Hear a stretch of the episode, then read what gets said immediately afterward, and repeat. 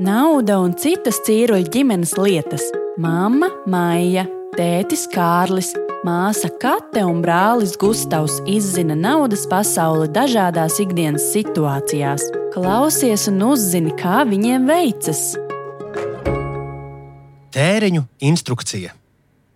Šodien Kate ir pamodusies agrāk nekā parasti. Pat agrāk par māmu, kura cīruļu ģimenē acis visbiežāk atver pirmā. Pat eiro nav pamodies un guļ, šņākuļodams un sapņodams par gardākajiem cepešiem.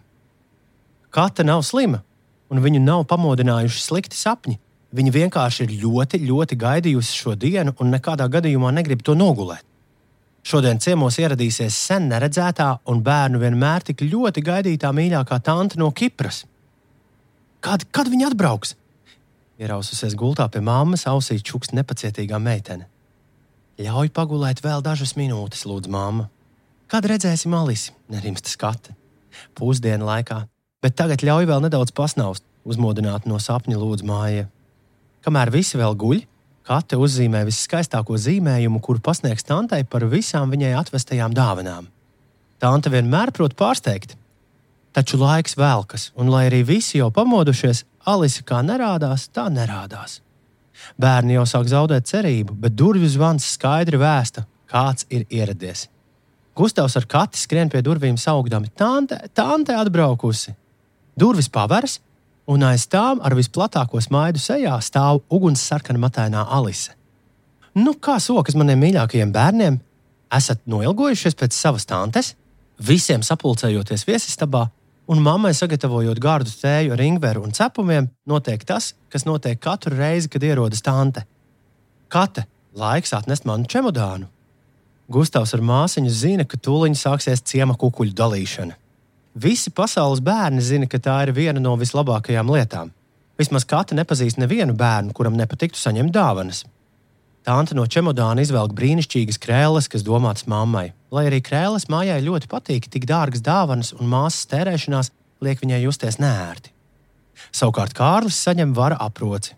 Vara darinājumi ir Kipras salas lepnums, To izgatavošana Kiprā tiek attīstīta vairāk nekā 3000 gadu, pasniedzot rotu stāsta tante. Bērni zina, ka tagad pienākusi viņu kārta. Kā vienmēr, vispirms viņu rokās nonāk tradicionālajie Kipras saldumi, katram pa divām kastītēm, saldāki par pašu cukuru. Gustavam tas ļoti patīk. Ziniet, nevarēju nopirkt lielas rotaļlietas, jo čemodānā tām nebūtu vietas. Tāpēc ņemiet un nopērciet, ko paši izdomāsiet. Sniedzot bērniem aploksnes, teica Alise. Kata steidzīgi ieskatās aploksnē, un viņas acis iemirdzas. 200 eiro! Par to varēšu izpirkt visu veikalu. Paldies, tante! Lai arī Gustavs neaptver, cik naudas ir viņa aploksnē, kopā ar māsu viņš no visa spēka apskauj uz dīvāna sēdošo tanti. Arī tētis smaida. Vienīgi māmu tādas dāvanas nepriecē. Pirms Alises ierašanās māja pa telefonu bija lūgusi viņu netērēties. Katru reizi pēc tāda apciemojuma bērni atkal aizmirst noteikumus, kā atbildīgi apieties ar naudu, kuras tik rūpīgi cenšas ieviest māja un Kārlis. Taču viss velti. Tantei noteikumi nerūp, viņai šķiet, ka laimīgs bērns ir vienmēr apmierināts bērns. Bērni aizskrien uz istabu sapņot un fantāzēt, ko pirks par saņemto naudu, bet māja ierunājas. Paldies, Māšuku, bet tu kā vienmēr tērējies un neievēro mūsu norunas. Tās ir tavas norunas, māsiņa, ne manas, atbild Alise. Kārlis pēta jauno aproci un nesaka neko, jo zina, ka Alise neizmainīs. Māju ne tik, katru reizi viss notiek tieši tāpat.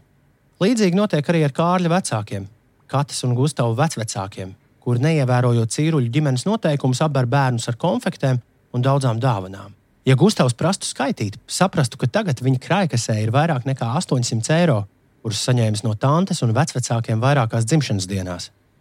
Reiz sadusmojusies māja pat paziņoja, ja noteikumi netiks ievēroti, tante un vecvecāki mājās netiks ielaisti.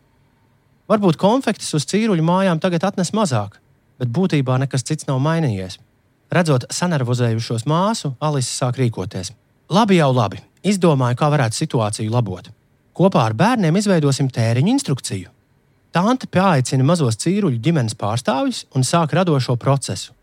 Katrai spēle ļoti patīk, un viņa ātri saprot tās noteikumus, kas ir pavisam vienkārši. Sastādīt plānu, kā tiks izmantot no tantes saņemtie 200 eiro. Pēc kārtīgas stundas lapu klāja garš saraksts, kurā redzams, kā naudu izlietos kate. Gustavs plānu nesastāda, bet teica, ka darīs tāpat kā māsa un vēl nopirks divus traktorus un jaunu mašīnu tētim. Mājai ļoti patīk Alises negaidītā tēriņa instrukcijas ideja. Viņa par to pastāsta arī vecākiem, draugiem un pat pati liek lietā. Ejot uz bērnu dzimšanas dienām un dāvanā nesot atklātnīti ar banknoti, klāt vienmēr pieliek izsmeļošu instrukciju, kā saprātīgi izlietot saņemto naudu. Vēlies uzzināt vairāk par naudas lietām, izlasīt vērtīgus padomus un interesantus stāstus? Dodies uz Svetbank blogu Manas finanses.